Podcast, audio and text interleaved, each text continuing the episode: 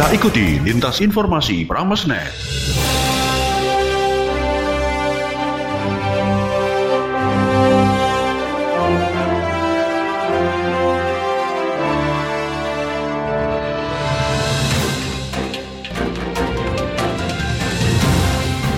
Selamat pagi, kita jumpa kembali dengan Lintas Informasi Pramesnet edisi Senin 23 Agustus 2021.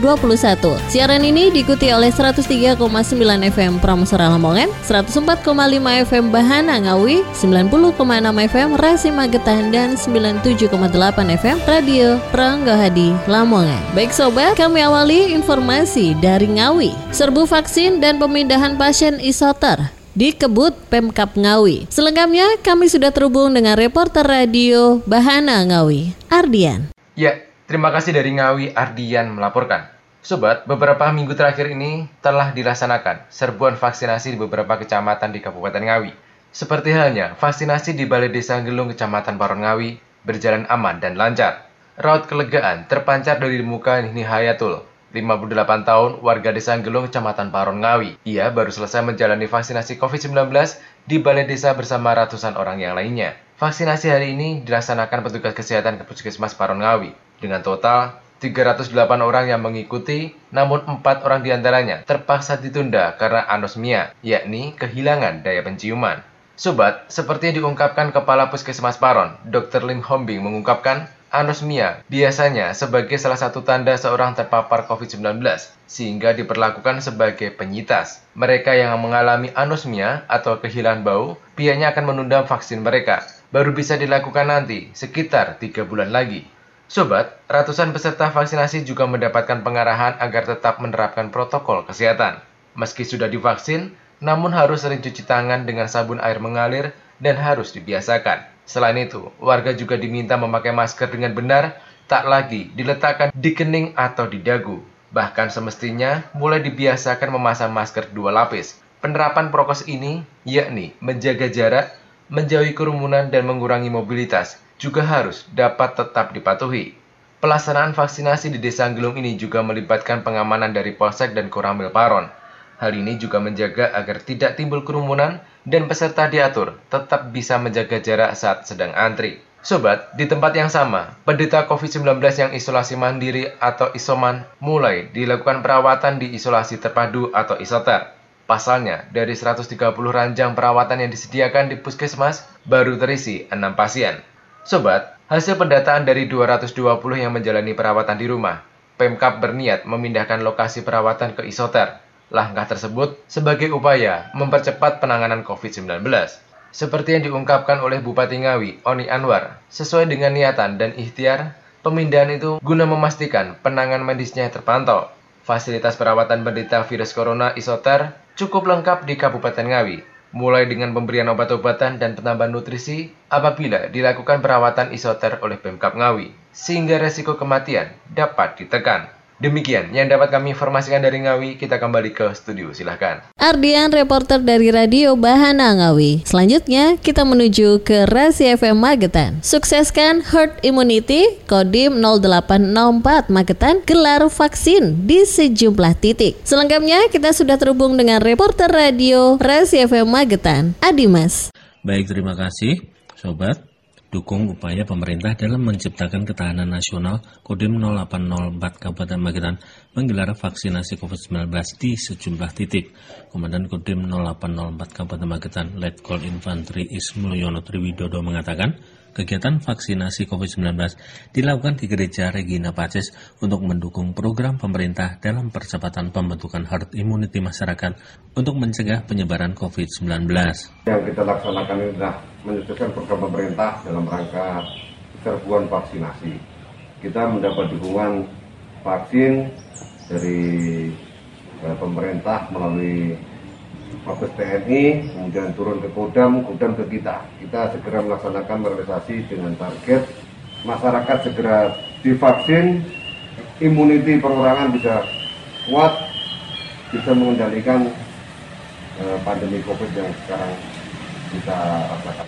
Ismulyono Triwidodo menambahkan, kegiatan vaksinasi COVID-19 tahap pertama selain dilakukan di, di Gereja Regina Pacis juga dilaksanakan di Purwosari. Di Regina Pacis, sebanyak 250 warga mendapat vaksinasi COVID-19 tahap pertama. Ismulyono berharap dengan kegiatan vaksinasi yang dilakukan TNI bisa membantu upaya percepatan pembentukan herd immunity di Magetan segera tercapai. Jadi kami bagi ada beberapa tim yang dikoordinir oleh Kaposkes, jadi membagi termasuk salah satu yang dilaksanakan di gereja Regina Pacis ini, pelaksanaan di sini 250 orang, kemudian di Purwosari juga sedang melaksanakan vaksinasi juga dari PGR TNI eh, dalam rangka mempercepat program pemerintah.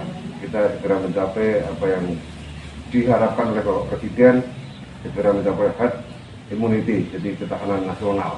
Data dari Dinas Kesehatan Kabupaten Magetan upaya pencapaian herd immunity di Kabupaten Magetan baru mencapai 15 persen dari jumlah penduduk di Kabupaten Magetan sebanyak 699 ribu orang.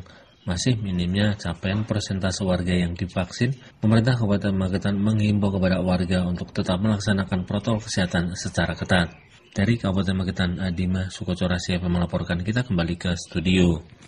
Adimas, reporter dari Radio Rasi FM Magetan. Selanjutnya kita menuju ke Lamongan. Akibat PPKM, kasus COVID-19 di Jawa Timur terkendali. Bor di Lamongan mulai turun. Selengkapnya, kita sudah terhubung dengan reporter radio Promosora FM Lamongan, Putri. Baik, terima kasih. Sobat, sejak diberlakukan pada akhir Januari 2021 lalu, pemberlakuan pembatasan kegiatan masyarakat atau PPKM sudah berjalan hampir 8 bulan. Selama PPKM diberlakukan, Wakil Gubernur Jawa Timur, Emil Dardak, mengaku ada penurunan kasus positif akibat COVID-19 di Jawa Timur, terutama di Lamongan kalau misalnya kita bicara PPKM ini berhasil atau enggak, memang kita bisa ngelihat dari angka COVID sekarang menurun. Jadi kita ingat dulu di bulan April 2020 kita punya apa yang disebut PSBB. Nah itu waktu itu diterapkannya sangat terbatas, hanya terjadi di daerah-daerah tertentu saja, di kota-kota besar ya.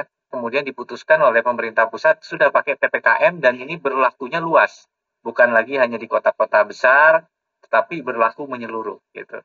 Nah, kita lihat sekarang di Jawa Timur secara keseluruhan juga kita mengalami penurunan kasus. Rumah sakit sudah tidak sepenuh dulu lagi. Lamongan juga nih dapil jenengan bagus ya. Bupati Lamongan Yuranur Effendi mengaku tingkat keterisian tempat tidur pasien atau BOR di Lamongan mulai turun. Jadi alhamdulillah saat ini Lamongan sudah dalam kondisi yang eh, dapat dikatakan baik, bahkan POR sekarang angka POR di Lamongan 15, sekian persen. Kemudian kita sekarang fokus pada penanganan di terpusat, ya kemudian 3T, dan yang ketiga eh, kita juga memperupaya vaksinasi. Bupati Yes menambahkan, vaksinasi juga terus digalakan meskipun ketersediaan vaksin cukup langka saat ini. Vaksinasi kita sudah mencapai 18 persen dan ini terus kita lakukan. Ya sebenarnya target-target sudah kita kita buat namun demikian eh, kita masih sangat tergantung oleh kiriman vaksin ya, distribusi vaksin dari eh, pemerintah provinsi sehingga kita sangat tergantung. Tapi sisa vaksin yang ada ini sebenarnya kita lebih sediakan untuk yang dosis 2. Dari Lamongan, Putri melaporkan kembali ke studio. Putri, reporter radio Pramosra FM Lamongan. Selanjutnya kita menuju ke radio Ronggo Hadi. Dampak COVID-19 butuh biaya besar. Perubahan belanja daerah Lamongan diprioritaskan untuk kesehatan. Selengkapnya kita sudah terhubung dengan reporter radio Ronggo Hadi FM Lamongan, Rima. Baik, terima kasih.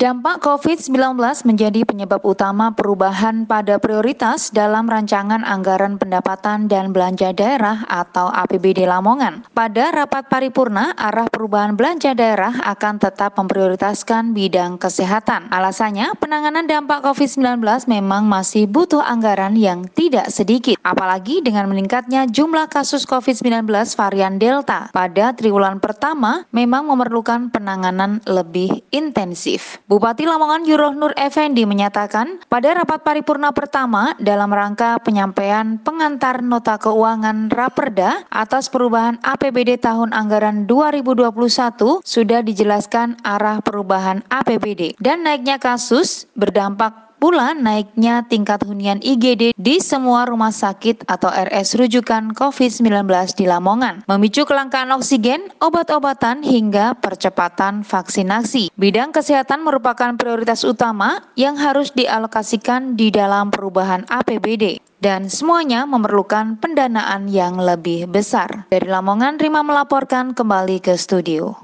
Prima, reporter Radio Rongga di FM Lamongan. Demikian tadi, baru saja Anda ikuti lintas informasi Pramesnet. Siaran ini dapat Anda simak setiap Senin sampai Jumat pukul 10 pagi dan pukul 16 waktu Indonesia Barat. Saya Novi bersama redaksi yang bertugas mengucapkan selamat pagi dan sampai Demikian jumpa. tadi telah Anda ikuti lintas informasi Pramesnet.